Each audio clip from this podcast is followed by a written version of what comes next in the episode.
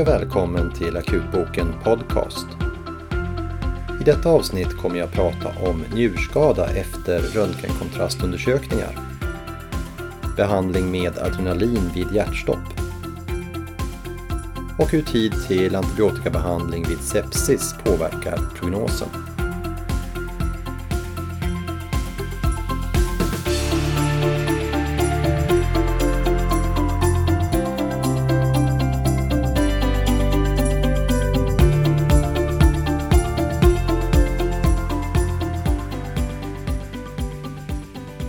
Gör olika skiktröntgenundersökningar som DT-buk, DT-thorax eller olika DT-angiografier med kontrast tar vi hänsyn till patienternas njurfunktion då äldre studier talar för att röntgenkontrast kan orsaka njurskada. De senaste åren har det dock kommit eh, flera observationsstudier som ifrågasatt om moderna iso eller lågosmolära röntgenkontrastmedel verkligen orsakar njurskada Två av dessa studier är publicerade i Annals of Emergency Medicine, där den ena är en single center-studie från en akutmottagning i Baltimore, där man har följt upp 17 000 patienter som genomgått DT med eller utan kontrast. Och den andra studien är en metaanalys av 28 olika studier med totalt drygt 100 000 patienter, där man också har jämfört risk för njurskada för patienter som genomgått DT med eller utan röntgenkontrast.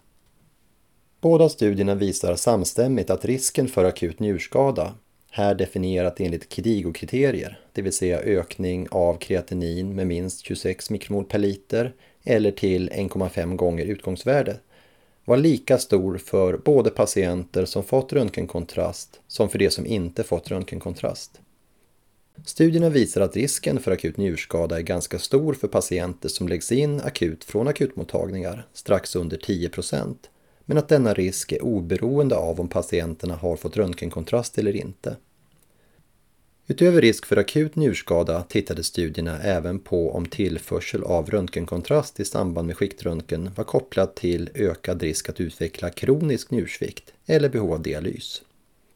Inte heller avseende dessa risker sågs någon ökad risk för de patienter som fått röntgenkontrast jämfört med patienterna som inte fått det.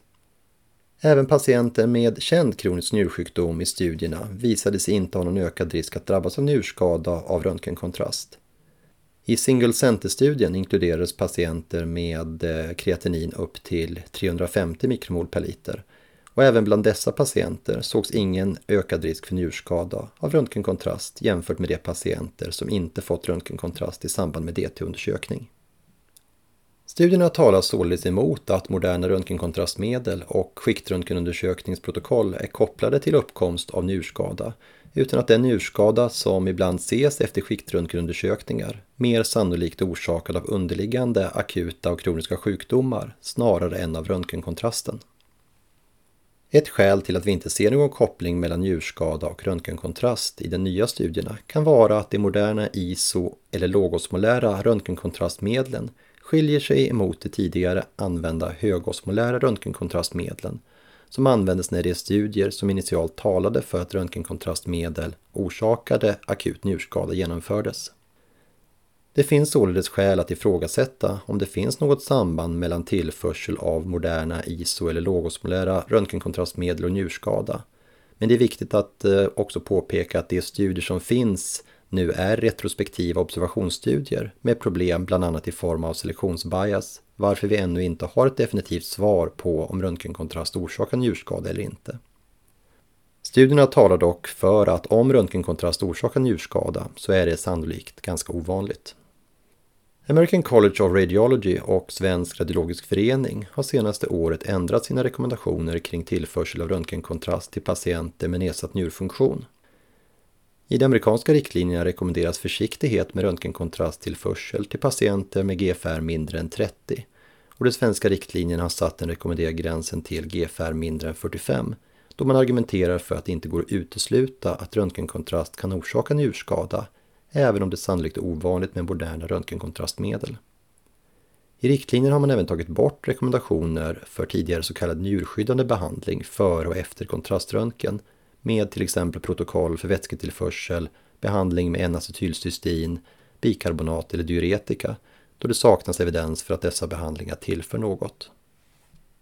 Man rekommenderar dock fortsatt att patienter behandlas med vätska för att uppnå evolemi. Eh, och detta ter sig helt rimligt då vi vet att hypovolemi är kopplat till akut njurskada även i andra sammanhang än när patienten får röntgenkontrast.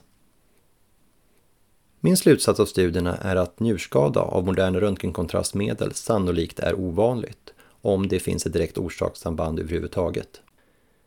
Eftersom vi dock ännu inte har det definitiva svaret är det rimligt att för patienter med uttalat nedsatt njurfunktion fortsatt vara försiktig och som alltid väga nyttan med undersökningen mot risken.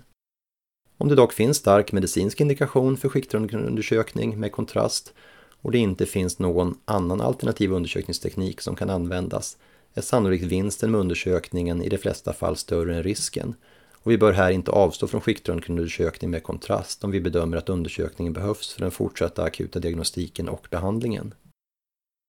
Det är dock bra att röntgen vet om att patienten har nedsatt njurfunktion då det ibland kan använda andra protokoll med lägre kontrastdoser som ytterligare kan minska den eventuella risken för dessa patienter.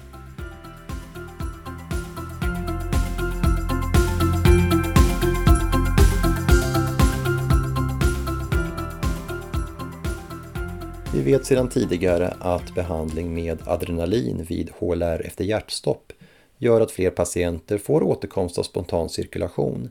Med resultat från tidigare studier har ifrågasatt om behandling med adrenalin sedan faktiskt gör att fler patienter överlever och kan skrivas ut levande från sjukhus. Paramedic 2-studien från Storbritannien som publicerades nu 2018 i New England Journal of Medicine genomfördes för att just titta på detta. Studien inkluderade drygt 8000 patienter som drabbats av hjärtstopp utanför sjukhus och som inte återfått eh, spontan cirkulation efter första defibrillering eller som inte haft defibrillerbar rytm. Dessa patienter randomiserades till att antingen erhålla 1 mg adrenalin intravenöst eller intraosteöst var tredje till var femte minut under HLR eller till att erhålla natriumklorid som placebo. I enlighet med tidigare studier gjorde adrenalinbehandlingen att fler patienter återfick spontan cirkulation, 36 procent i adrenalingruppen jämfört med endast 12 procent i placebogruppen. Patienterna som fick adrenalin hade också signifikant högre 30 dagars överlevnad, 3,2 procent i adrenalingruppen jämfört med 2,4 procent i placebogruppen. Man tittade dock också på neurologiskt utfall för patienterna och använde här Modified Ranking Scale för att bedöma detta. I gruppen som fick adrenalin hade betydligt fler patienter svåra neurologiska skador. Hela 31 procent i adrenalingruppen hade en Modified Ranking Scale på 4 eller 5 där 4 betyder att patienten inte klarar de flesta ADL utan hjälp samt inte klarar att gå själv och där 5 betyder att patienten är helt sängbunden och behöver hjälp med allt. Om man här istället för enbart överlevnad tittar på patienter som överlevde utan svåra neurologiska bortfall så var det vid 30 dagar ingen skillnad i utfall mellan de patienter som fick adrenalin eller placebo utan i båda grupperna var överlevnaden utan svåra neurologiska bortfall cirka 2% Sammanfattningsvis så talar Paramedic 2-studien tillsammans med tidigare studier att adrenalin ökar chanserna för att patienter med hjärtstopp ska få återkomst av spontan cirkulation men att vinsten avseende 30 dagars överlevnad är liten och att bland de patienter som överlever är det fler som har svåra neurologiska skador efter hjärtstoppet. Vi får väl här se om adrenalin på sikt kommer tas bort från AHLR-algoritmen på samma sätt som vi tidigare tagit bort både atropin, natriumbikarbonat och tribonat. Det kan finnas vissa små subgrupper av patienter där vinsten med adrenalinbehandling kan vara betydligt större, till exempel hjärtstopp orsakat av anafylaxi eller astma, men för majoriteten av patienterna med hjärtstopp tillför sannolikt adrenalinbehandling ganska lite eller inte alls om målet för patienterna är att skrivas ut från sjukhus utan neurologiska skador. Vi vet inte om utfallet hade blivit annorlunda om man istället studerat patienter som fått hjärtstopp under vårdtiden på sjukhus. Men baserat på utfall från tidigare studier är min gissning att utfallet hade blivit liknande för dessa patienter. Jag rekommenderar i nuläget att adrenalin ges i enlighet med AHLR-algoritmen så länge som tillförsel av adrenalin under HLR inte negativt påverkar de åtgärder som vi faktiskt vet gagnar patienterna, som till exempel hjärtkompressioner av god kvalitet utan avbrott. I de fall där det inte enkelt går att få in en PVK eller intraosseös infart utan att göra avbrott i hjärtkompressioner är min slutsats baserad på tillgängliga studier att det är rimligt att avstå från att ge adrenalin under HLR i dessa fall då det sannolikt är viktigare med hjärtkompressioner och övriga åtgärder än att ge adrenalin för den slutgiltiga prognosen.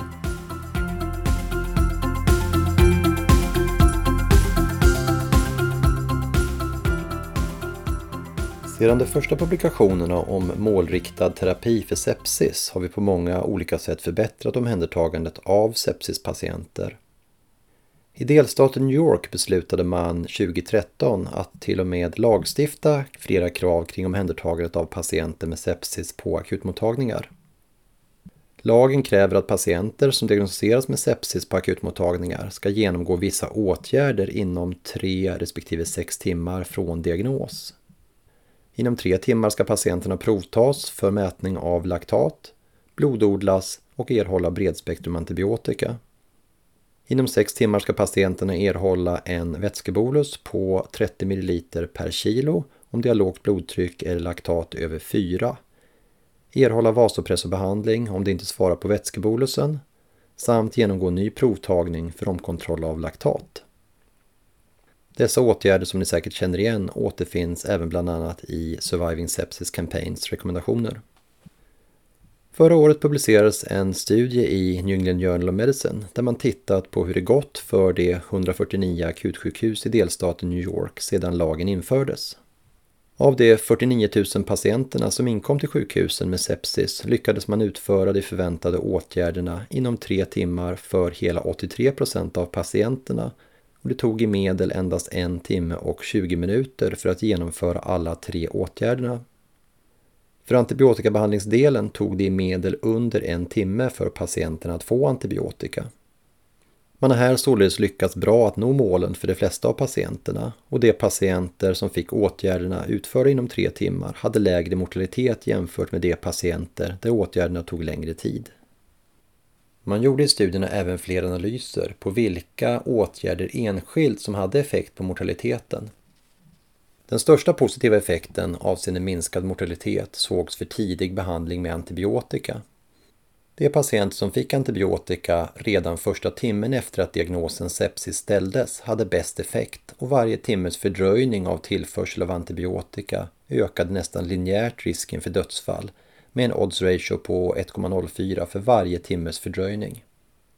Den största vinsten med tidig antibiotika sågs för de svårast sjuka patienterna som även behövde vasopressorbehandling.